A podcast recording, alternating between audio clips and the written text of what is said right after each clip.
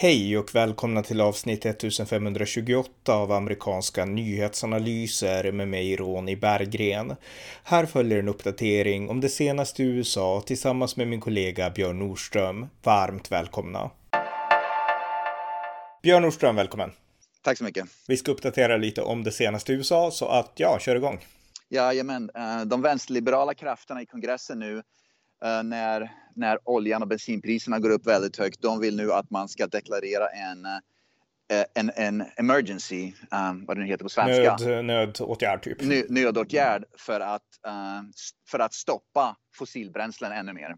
Som andra ord, inte nog med att det är svindyrt nu med bensin och sånt där, utan nu vill de försöka stoppa det ännu mer och göra det ännu dyrare. Va? Återigen, vänsterliberalerna har noll markkontakt och den gruppen som drabbas hårdast av sådana åtgärder är naturligtvis fattiga människor och arbetarklassen. Precis samma grupper som vänsterliberalerna påstår sig värna om. Hyckleriet, det, det, kan, det går inte att beskriva vilket hyckleri det är. Liksom, vad vill de åstadkomma genom att, för, att förstöra liven av vanliga liksom, av knegarna och av fattiga. Vad försöker de åstadkomma med det? Ja, nej, nej verkligen. De, de har ingen koppling till normala och till fattiga. Det är liksom, ja, det är, en av, det är en av orsakerna. Jag tänkte vi kan ja. gå in på det som är en av de här stora, det är några saker som hänt som är riktigt stora nu. Och en av dem det är att Lia Thomas, den här ja. transgender, ja vad säger man, hen, hen kan vi säga i respekt. Ja. Men Lia Thomas i alla fall, som är en man som har gjort uh, könsbyte han, hon, hen har liksom vunnit en simtävling och eh, det här Amerikanska var så... mästerskapen. Okej, okay, ja men berätta, vad var det han Amerika vann? Amerikanska mm. collegemästerskapen, japp. För kvinnor. Okej, okay, just det. Och det som var så absurt här, du ska få ta över för du kan sport bättre än jag, men det var ju liksom att man såg en bild på den här Lia Thomas, en man som är säkert 1,90 lång, eller inte vet jag, men 1,80 eller någonting, men liksom det är en man. 1, en, närmare 1,95. Okej, okay, okej. Okay. Så att där såg vi, jag säger hen på prispallen då, liksom vinna. Och bredvid hen så stod det två helt vanliga tjejer som gillar att idrotta och de, ja, det var väl antar och liksom silver och brons. Och Ja, precis, ja. exakt. Och det såg helt, alltså det, det, det var ju bara bisarrt den bilden. Ja, det är helt bisarrt alltså. Så att Lia Thomas stod där och, och, tydligen så alla de som simmade i finalen då, det var åtta stycken simmare i finalen, de tog helt avstånd från Lia Thomas. De pratade inte med henne, de undvek henne helt. Hon stod där för sig själv och tvåan och trean stod där för sig själva. Alla, alla de kvinnliga simmarna, de sju kvinnliga simmarna, de kramade om varandra och, och vad ska man säga, stöttade varandra och ingen ville överhuvudtaget prata med Lia Thomas. Och jag såg också det att, att eh, Ron DeSantis som är guvernör för delstaten Florida, han har ju nu gett tvåan i den tävlingen. Jag minns inte vad hon hette, men hon som kom tvåa. Han har nu, hon är från Florida tydligen från början. Hon är mm. uppvuxen i Florida. Så alltså, Ron DeSantis har i alla fall utsett henne till amerikanska mästerskapsvinnaren i det simhitet för att Lia Thomas är enligt honom en biologisk man. I alla fall. Och det här är intressant också därför att jag såg, eh, det har också kommit ut nu information då att kvinnliga, eh, Lia Thomas byter, är i om, samma omklädningsrum som eh, kvinnor. Okej? Okay? Och, kvinn, och Lea Thomas, det, det är en rolig, uh, det, är en, det är ganska rolig, men det, här, det, det är så här det är, det är så bisarrt alltså. Lea Thomas, hon, hon, Lea Thomas hon visar tydligen upp sitt manliga könsorgan i, framför kvinnorna i omklädningsrummet och många kvinnor är då absolut upprörda och tycker det, det, så ska det inte få gå till. Va? Men det är helt otroligt alltså, att kan säga kvinnan Lea Thomas visar upp sitt manliga kön, könsorgan i omklädningsrummet bland kvinnor. Va? Och det, det, det, det är otroligt, det här är bortom bisarrt alltså. Mm. Tydligen så är det nu många som protesterar, alltså kvinnoidrott, dam, damsimningen börjar nog få nog av det här. Uh, väns, feminismen i USA har, är knäpptysta, de vågar inte säga någonting. För å ena sidan så de stödjer inte längre kvinnor men å andra sidan så tror jag feminismen begriper hur galet det här är så feminismen håller käften. Va? Därför att de vågar inte ta ställning till något håll. Va? Så det här, det här, egentligen är det bra att det här händer därför att det visar hur brutalt bisarrt allt det här egentligen är. Mm. Men, men en person som har protesterat är en kvinnlig simmerska som heter eh, Reka ja. eh, Georgi. Jag vet inte ja. hur, hur man uttalar hennes namn, men hon har grejen att hon är, hon är från Virginia Tech, alltså den här universitetet ja. där, och hon är simmerska, men hon har bakgrund i Ungern. Jag vet inte om hon är född där eller någonting, men hon har representerat Ungern i OS 2016 i alla fall, så hon måste ha ungersk bakgrund och hon vågar ta ton. Hon tycker att det här är, hon säger att det här, det här liksom promotar inte våran sport på något bra sätt och det här är liksom respektlöst mot biologiska kvinnor och, och så. Så att hon, hon, var glasklar. En anledning också var att hon var den som på grund av att det finns åtta, man, för att kvalificera sig till finalen så måste man, det är åtta kvinnor som kvalificerar sig till finalen. Lia Thomas var en. Den här personen som från Virginia Tech var nummer nio. Som Lia Thomas inte hade fått tävla så hade hon fått vara med istället och mm. blivit en av de åtta. Så att hon missade finalen enbart på att det var en biologisk man som var med i finalen. Okay. Och, så hon är, hon är förbannad på, på på det också. Att, att jag fick aldrig en chans att vara i finalen därför att det är en, en biologisk man som tog min plats. Mm. Ja, nej, men det är bara, vi har pratat om det så mycket förut, men alltså det här är vidrigt och det är en skam för liksom, ja, det är en skam för västvärlden och våra värderingar där kvinnor ska liksom ha jämlikhet, liksom att det här tillåts. Utan transgenders, här... de får ha en egen liksom kategori i så fall, men de kan inte förstöra damidrotten. Det här är helt absurt. Precis, och det här ska ju bli väldigt intressant. Säg till exempel att USA bara ställer upp med eller västländerna börjar ställa upp med massa manlig, män i OS till exempel. Jag menar, till exempel Kina skulle aldrig acceptera det. Mellanöstern, muslimska länder skulle aldrig acceptera det naturligtvis då. Nej. Ska man då ha två OS? Ett för bara, like, hur ska det fungera? Därför att i teorin, det här är liksom bara i början, va? men man kan ju förvänta sig då att, att, att fler män vill bara vara med och tävla i OS och då ska man då, en massa amerikanska män ska då spöa skiten ur muslimska kvinnor. Tror vi att muslimska världen accepterar något sånt där? Eller Indien eller Kina och så vidare va? Som har en mer normal syn på att det finns män och det finns kvinnor, det finns två kön va? Så, så, så det, det är bara en tidsfråga va? Innan USA kommer att ha män som tävlar mot kvinnor i OS. Och hur kommer omvärlden reagera på det? Va? Ja, nej men det, det, det blir liksom det ultimata tecknet på liksom USAs dekadens. Det, det kommer bli så. Precis, så att... och då, då, visar vi också att vi är otroligt fientliga. Vi pratar ju då om att, att vi ska respektera andra religioner och så vidare. Det vi gör är att vi har ingen respekt för andra religioner eller för traditioner eller kulturer som inte stödjer män som ska tävla mot kvinnor. Va? De som är mer traditionella och normala i sin, i sin uppfattning av män och kvinnor. Va? Vi visar ju total avsaknad av respekt mot dem. Ja, eh, sen det, det är väl sekundärt i mitt fall, för de är lika, tar lika mycket anstöt av kvinnor, många sådana. Ja, absolut, liksom. absolut, men, absolut, men, men, det, men den stora faran här, det, det, är liksom att man, man förstör, för alltså det här förstör för kvinnor, det är det det handlar om. Och liksom, man kan respektera individuell frihet, jag menar, jag tycker man ska ha rätt om man vill som vuxen person att byta kön och man ska bli respekterad som person oavsett liksom, hur man gör i sådana frågor. Men man kan inte tillåta liksom att den friheten inskränker på andras rättigheter och friheter och det är exakt det som händer när de här männen, för det är män de är i grund och botten, liksom börjar liksom beblanda sig med damidrott. Det är liksom, ja. Det, är det, och det här kommer, i USA är det ju väldigt dyrt att gå på universitet. Det kostar ju väldigt mycket pengar. Va? Det är bara en tidsfråga också innan många amerikanska män som vill plugga på universitet men som inte kommer in på universitet genom, de är inte tillräckligt duktiga i idrott och får inget stipendium till exempel. Då.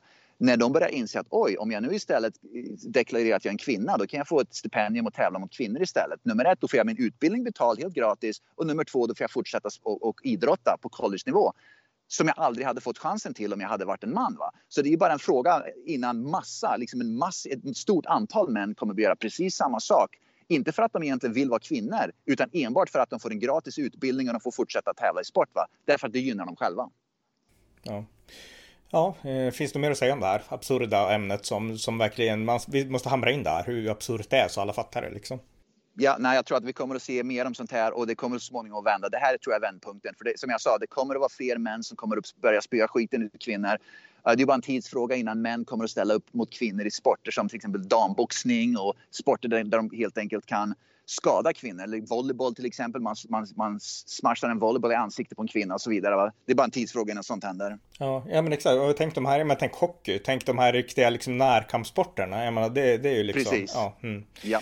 Ja, men vi släpper det för den här gången och vi går vidare till nästa stora ämne och det är att Hunter Biden, Joe Bidens son, som det har, ja, det har ju skrivits mycket som helst kritiskt om honom, framförallt i konservativ media. Och i valet 2020 då uppstod ju debatten om hans laptop där det skulle finnas massa konstigheter och snus snuskigheter och sådana saker. Och Joe Biden själv förnekade den här laptopens existens. Det var till och med en debatt mot Donald Trump när Donald Trump pratade om the laptop from hell som Donald Trump hade liksom yeah.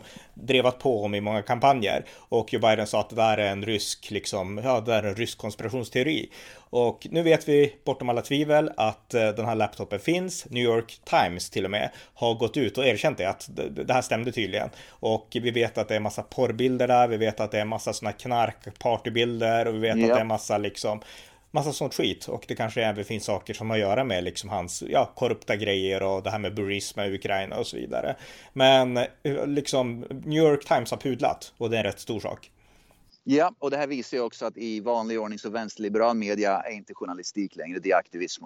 För att de visste, med stor sannolikhet så visste de om det, allt det här från början, men de gjorde allt för att försöka dölja det just för att de inte ville. Och vi pratade faktiskt om det här, om du minns det, innan valet, under valkampanjen för ett drygt år sedan, ett halvt år sedan att vänsterliberal media vill inte ta upp sådana här saker därför att det kommer att skada Bidens chanser. Så istället för att rapportera om vad som faktiskt händer så mörklägger de saker och ting enbart för att gynna Joe Biden. Och det visar att media inte längre är trovärdig därför att deras roll är inte längre att, att driva journalistik utan det är att driva aktivism och politisk, en politisk agenda. Och det, mm. det är fruktansvärt alltså. Ja, ja, verkligen. Och det här kan också dra in Joe Biden, presidenten, därför att det finns e-mail som har kommit ut nu också som där Hunter Biden tackas av ett, en företagschef i Ukraina för att han har fått möjlighet av företagschefen att träffa liksom the weep dad, alltså VP, vicepresidentpappan, alltså Joe Biden då när han var vicepresident åt Obama. Så att eh, ja, det här kan faktiskt gå längre än, än vad man kanske hade kunnat tro. Eh, och eh, bara det här liksom att New York Times ändå tillstår att de pudlar, det, det är ändå ett gott tecken. Ja, ett, ett par år för sent, men å andra sidan, det är precis som bättre sent än aldrig. Ja, precis. Ja, bra, vi får återkomma till det också mer i detalj längre fram, men något annat då? Jajamän, jag såg att uh, Eh, Stacey Abrams, hon som var, uh, det här är bara några saker som händer, men vi visar också de här Netflix och de där hur de, hur de ställer saker och ting.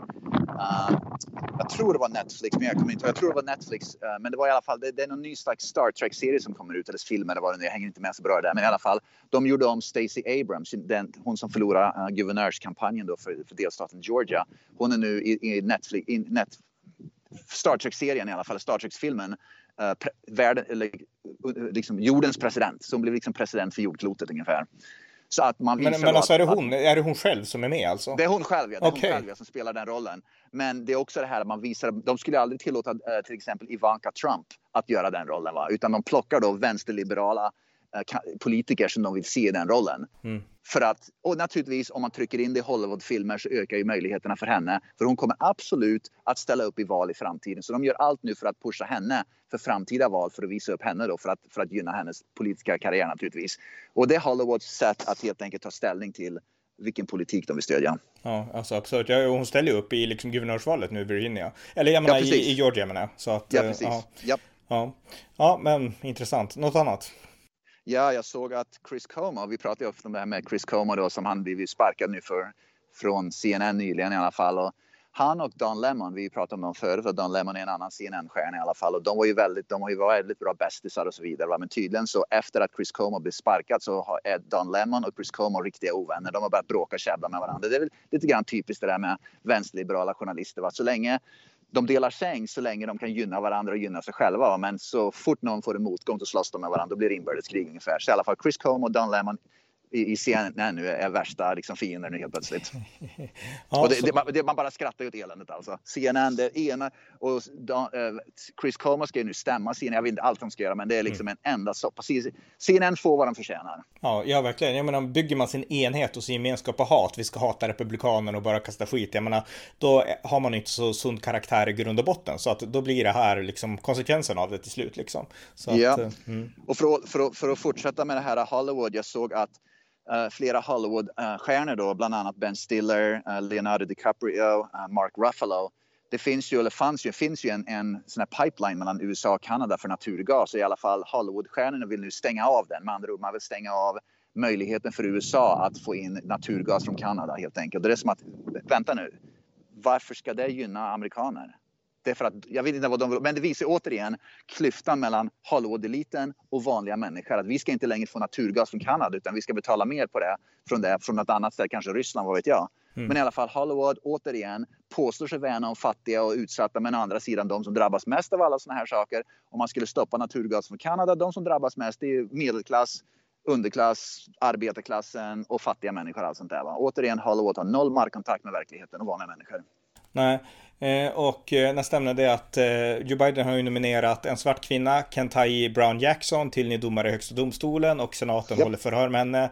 Och det senaste där är att hon fick en fråga av en republikansk kongresskvinna om hon kunde definiera kvinna, vad en kvinna är för någonting. Ja, man kan då säga då att grunden är väl liksom att det är en person med kvinnligt kön. Människan har två kön, en man och en kvinna och det är ganska lätt att definiera det liksom. Sen kan man gå ner på att det finns olika former av kvinnor och män och sådär. Men, men hon kunde inte definiera vad en kvinna var. Så att hon gjorde liksom en stor grej av att, men vad menar du, vad liksom? Och sen höll hon på så väldigt länge. Och eh, ja, det, det, visar också liksom att hon är en woke eh, left-wing liberal som helt enkelt vägrar besvara liksom hur man definierar en kvinna. Ja, och jag såg att Liz, uh, not, inte Liz Cheney utan Marsha Blackburn, så var det som också var extremt kritisk till, um, till, uh, till HD-nomineringen där på grund av att um, Ja, det, det, det, det, var hon, det var hon som frågade henne, kom jag på. Det var precis, det var det, så det var. Va? Hon även kritiserade då att hon var, och även då, uh, vad heter han, um, uh, Josh Howley från Missouri mm. kritiserar henne för att hon har varit väldigt slapphänt mot pedofiler och sånt där. Va? Så att hon har, hon har väl inte, det finns sådana här uh, guidelines då hur domare ska döma. Om, om, om, om, man, fäll, om man blir fälld för ett brott så, så ska man dömas för si eller så många år i fängelse ungefär. Va? Och när det gäller till exempel pedofiler så var då Katani Brown Um, hon dömde dem ofta till de lägre, inte till de kraftigare eh, fängelsestraffen utan till de lägre fängelsestraffen. Och när det gäller pedofili så tror jag många amerikaner tycker att om du är en pedofil då ska du fan in i fängelse under lång tid. Då ska du inte liksom släppas ut efter bara ett par år. Nej, Nej precis. Eh, ja, något annat? Ja, för att återgå till det här med Lea Thomas bara snabbt. Och det, jag såg eh, artiklar har kommit ut naturligtvis i sociala medier och i de här MSNBC och NBC och allt det där. Men går man in och tittar på kommentarerna, så jag, går in, jag bara för skojs gick jag in och tittade under en sån här eh, NBC-artikel. De har ju liksom NBC i en rapport om det där. Oerhört, jag törs påstå att 90% av kommentarerna är negativa, så kritiserar det där. Så det, det verkar som att antingen så är vänsterliberalerna inte pigga på att kommentera eller så helt enkelt så är det bara så att, att många normala människor kommenterar och helt enkelt kritiserar. Så det verkar som att tittar man bara på kommentarerna i kommentarsfälten så är det en enorm majoritet som är totalt emot idén att, att män ska tävla mot kvinnor i idrott. Va? Så att det är i alla fall, om någonting så verkar det som att folkrörelsen på gräsrotsnivå börjar liksom tröttna på det här nu. Mm, ja, ja det, det är bra. Ja, och en, en, sak till, jag tänkte mm. bara, jag tänkte bara nämna det här med, med HD-nomineringen. Um, jag såg, jag har sett om man jämför nomineringen och hur senaten har agerat. Vi såg hur demokraterna i senaten agerade under Brett Kavanaugh och under um, Amy Barrett Cohen. Att de var extremt aggressiva. Det var ju nazism och rasism och allt sånt där. Fruktansvärda anklagelser. Va? Republikanerna, vilket faktiskt visar skillnaden på moral, har betett sig mycket, mycket snällare och trevligare. De har ställt tuffa frågor. De har fokuserat sig på sakfrågorna, inte på person. Och jag såg till exempel, jag har sett flera av de här, äh, när man börjar med ett senatsförhör då, då får liksom senatorerna får hålla ett litet tal först innan man börjar ställa frågor. Va? Och de gjorde det väldigt klart då, många senatorer, att, att det här ska handla om, inte om din personlighet utan om ditt record, det, det liksom, vad du har dömt tidigare. Va? Och de, de gratulerade henne, de var snälla och trevliga. Det var en helt annan stämning från Republikanerna, även om det här är en vänsterliberal domare. Va? Om man jämför då med, med när, hur, vänster, Demokraterna betedde sig i senaten under uh, Trumps nomineringar. Och det visar tror jag också skillnaden på Demokrater har, kan inte längre hålla skillnad på vad ska man säga person sak och person. Och, sak och person, ja precis. Men Republikanerna kan det och det ogilliga. Det också gör att, gör att jag inte kan rösta på Demokraterna även om jag är en liberal mer eller mindre. Va? Därför att de beter sig så vidrigt och, och gör personattacker utan att begripa att det, har ingen, att, att det är helt enkelt fel beteende. Va? Mm. Så de Republikanerna beter sig mycket, mycket bättre än Demokraterna. Och jag önskar att media tyvärr rapporterar, vänsterliberal media rapporterar inte om det. Tittar man på Fox News eller New York Post eller konservativ media, då snackar de om sådana saker. Va? Att, vilken skillnad, de påvisar skillnaden hur Demokraterna och Republikanerna betedde sig. Va? Men de, CNN, MSNBC, ABC, alla de här vänsterliberala kanalerna, de, de säger ingenting om sånt där. Absolut inte. Vänsterliberal media, om du minns det, de målar ju också Brett Kavanaugh som att han var någon slags våldtäktsman och Amy Barrett Cohen som att hon var... Liksom att de målar ju upp hon, hon var religiös extremist liksom. Precis. Mm. precis. När det gäller Katanya Brown, vänsterliberala domaren här som Biden nominerar, de bara skriver hur fantastiskt trevlig och fin hon är och duktig person och så vidare. Så ingenting negativt om henne. Va? Det visar ju också vilken, att de tar en total ställning till vilket parti hon tillhör eller vilken, vilken liksom falang hon tillhör. Va? Det är mm. fruk återigen fruktansvärt av media att bete sig så. Mm, ja, verkligen. Ja, något annat? Ja, uh, vi pratar ju om kriminaliteten. New Yorks polis nu. Um, para, uh, I helgen så var det 29 eh, skottlossningar i New York. Och antalet skottlossningar sedan 2021 så 2022 har skottlossningarna ökat med 383 procent sedan 2021 och 2021 mm. ökade med typ 100 procent från 2020. Va? Så oavsett om de bytt, bytt en eh, till ny guvernör nu så brottsligheten och skottlossningarna går ju bara upp. Va? Så det måste till något drastiskt snart i New York för att få bukt på det hela. Mm.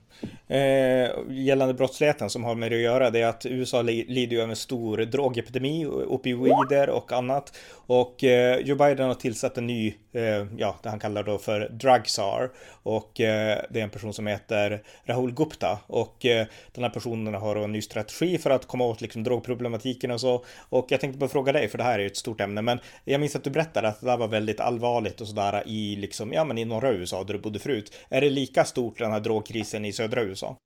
Absolut. Oh ja, jag menar jag bor i Arizona, det är ännu större för att Arizona är ju rakt över gränsen från Mexiko där många droger kommer. Va? Så att, titt, min dotter går ju på high school här, på gymnasiet här och det är droger som flödar i gymnasiet. Jag menar, vi har ju droger. Jag, jag jobbar på ett högst, mellanstadie högskola, det finns ju droger här med. Det är liksom ingen, så det är ännu värre här.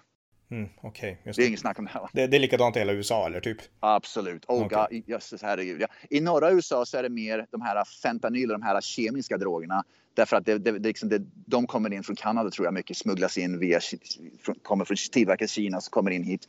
Här i södra USA så är det mer, vad ska man säga, gamla goda, gamla goda. Mm. Det här knarket, heroin, kokain, de där grejerna va, som kommer från Mexiko. Va? Så att beroende på vart du bor i USA, norr eller söder, så överdosar de som överdosar här i södra USA och sydvästra USA, det är mer traditionella droger. I norra USA och nordöstra USA, det är mer de här piller och sånt där de överdosar. Just det. Mm. Ja, okej. Okay. Ja, något annat? Jajamän. Uh, hatbrotten mot statistiken för 2021 har kommit ut nu. Hatbrotten mot asiater under 2021 ökade med 260 procent nationellt och 360 procent i New York City. Så jag såg en, en liten show nyligen, det var väl en, jag tror det var ABC som gjorde en, ett tv-program om hatbrotten mot just asiater. Så vi pratade om, de har ju ignorerats väldigt länge va? därför att asiater är liksom bland, ingen bryr sig om asiater här i USA. Va? Eller vänsterliberala mm. demokraterna struntar i sånt där. Va? Men i alla fall då, då, ställde de frågan till någon expert där som frågade varför har hatbrotten ökat? Gissa vem som fick skulden för det? Uh, Donald Trump. Okay. Donald Trump. Det var Donald Trumps fel att hatbrotten mot asiater har ökat. Va? Så det är återigen, vi kan inte lösa ett problem om vi inte erkänner vad problemet är. Va? Och, och min tanke är ju så här. Va? De, om man tittar på många av hatbrotten som begås i New York City så är det faktiskt många svarta män som attackerar, som begår hatbrotten mot asiater i New York City. Så är det bara. Mm. Okay? Och då, då är min tanke alltså att Donald Trump har alltså uppmanat svarta män att attackera asiater i New York City. Det är alltså det vi snackar om. Varför, varför är det New York City och i Kalifornien som hatbrotten mot, mot asiater sker? Varför sker de inte på samma sätt i Arizona eller Texas som är konservativa delstater? Har inte Donald Trump makt att, att få folk att attackera asiater här med? Eller hur? Så att istället för att prata om det verkliga problemet är slapphäntheten och att, att demokraterna i, de, i, i New York och, och Kalifornien som vänder ryggen till det, då skyller man på, York, på Donald Trump. Hur tusan kan man lösa problemet om man inte ens erkänner det? Nej, nej verkligen. Eh, jag tänkte också nämna något om Kamala Harris. Hon har, det har kommit en ny bok, jag vet inte vad författaren heter, men en ny bok som handlar om Kamala Harris i alla fall. Och där så förklaras att eh, hon vart utsedd till, vi pratade om SARS förut, hon vart utsedd till Border SAR, alltså ansvarig för gränspolitiken mot Mexiko. Och enligt den här boken så var det en roll som hon inte ville ha och det har ju nästan märkt på henne att hon liksom, hon kunde inte hantera det, hon bara flabbade och eh, hon har inte skött sitt jobb bra alls. Men tydligen så var det här inte en uppgift hon sökte heller. Liksom liksom, utan hon, hon vart en tilldelad tydligen. Ja, ja, jo. Um, och jag tänkte bara nämna så att Kamala Harris på tal om tilldelade roller. Man undrar ju om hennes vicepresidentskap egentligen tilldelad. Um, så att återigen, jag såg en intervju bara för att prata om att Kamala Harris, hon, bara för ett par dagar sedan, hon tappade, förlorade eller hon blev av med ytterligare sin tionde staffer, uh, mm. anställda för, under ett år, va? vilket är oerhört många. Och jag såg en intervju med henne för ett par dagar sedan. Det var en presskonferens i Louisiana hon höll för ett par dagar sedan. Va? Och det här visar hur Kamala Harris, eh, hon, man undrar om hon är frisk skallen alltså. Hon skulle då prata i Louisiana och hon började prata om um, passage of time. Hon använde uttrycket passage of time många, jag tror det var fem gånger där under ett kort tal hon höll. Va? Ingen begrep vad hon sa. Jag, jag begrep inte vad hon ville ha sagt med det. Va? Ingen begrep. Det var liksom, vad, vad, säger hon egentligen? Det är så jättekonstigt. Va? Hon pratar om, om, om arbetslösheten och sen passage of time, barnen kommer. Det lät som Miljöpartiet alltså när de står och svamlar inför en, inför en mikrofon i Sverige ungefär. Va?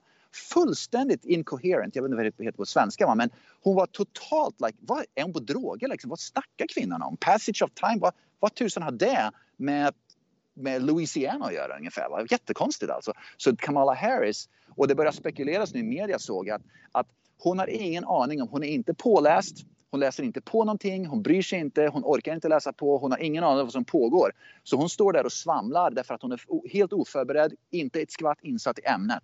Och istället börjar hon svamla och då bara hittar hon på saker och ting som låter snyggt och fint för att på något sätt försöka slinka undan att hon inte begriper vad hon talar om.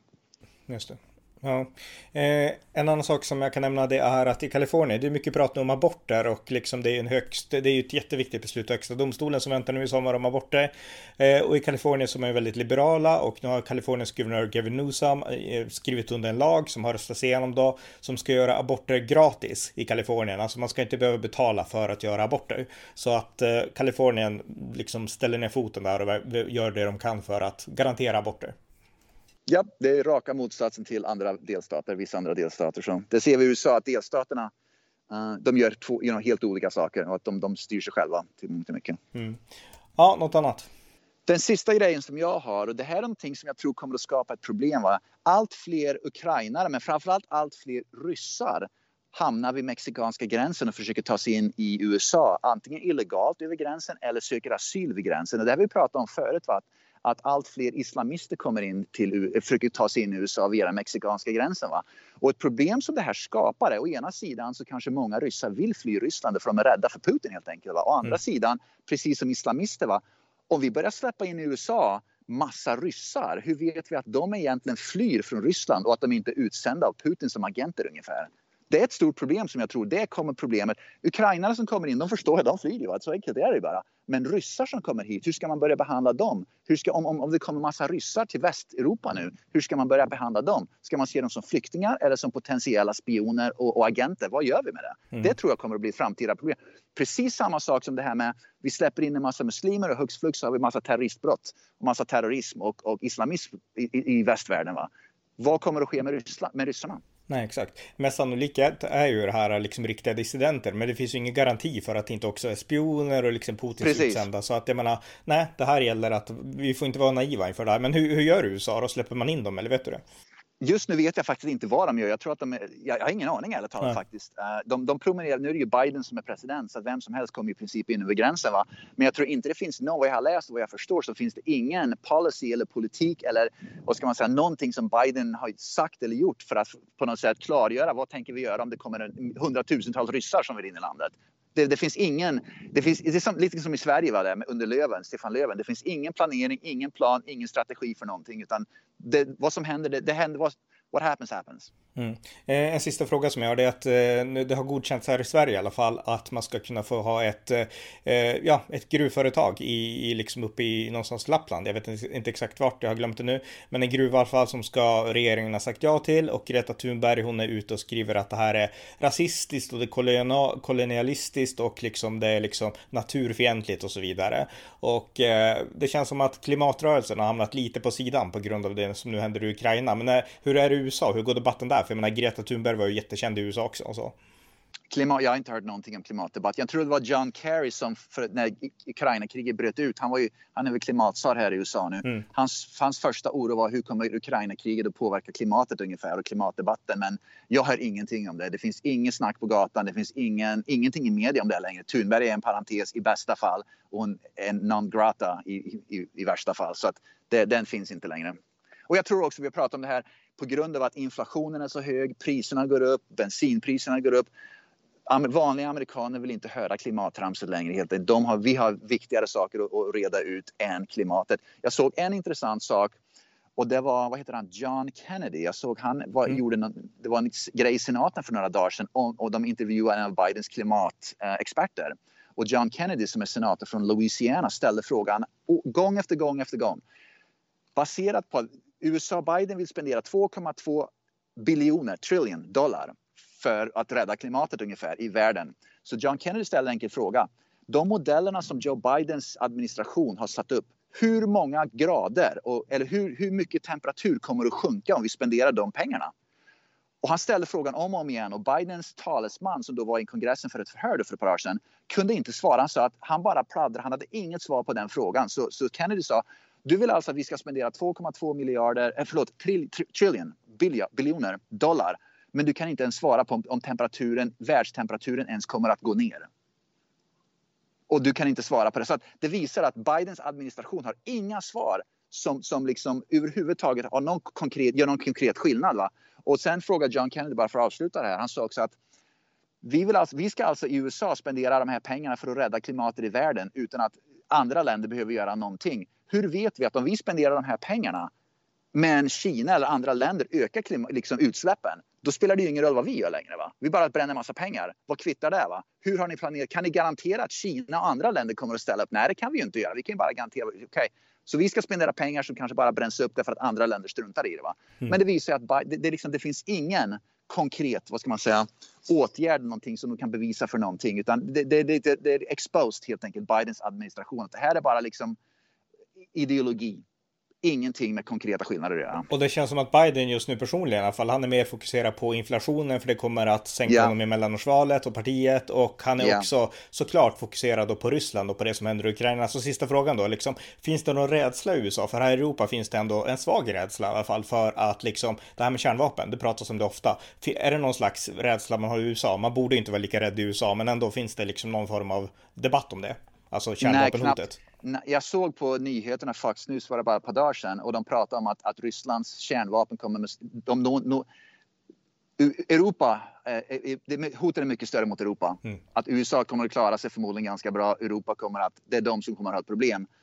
Så att um, de, debatten finns egentligen inte. Oron här är inte speciellt stor. Jag tror att det har mycket att göra med att det är Europa som ligger risigt till, inte USA. Därför att vi, vi är på andra sidan Atlanten. Va? Det, är det, det är liksom så verkligheten fungerar, men så är det ju bara. Och återigen, amerikanska folket, vanliga gräsrötter här, de orkar inte bry sig om ett kärnvapenkrig i Europa därför att bensinpriserna är så jäkla höga så man inte har råd att åka till jobbet ungefär. Om man inte kan sätta mat på sitt eget bord så bryr man sig inte så mycket om vad som händer på andra sidan jordklotet. Nej, vilket är helt rationellt. Så att, ja. Ja, ja vad bra. Ja, men tack så mycket. Tack så mycket. Det var avsnitt 1528 av amerikanska nyhetsanalyser. Just nu pågår ett brutalt krig i Ukraina. Ni som lyssnar får gärna skänka en slant till valfri organisation som ni har förtroende för, som bistår med hjälp till Ukraina i denna svåra tid. Tack för att ni har lyssnat.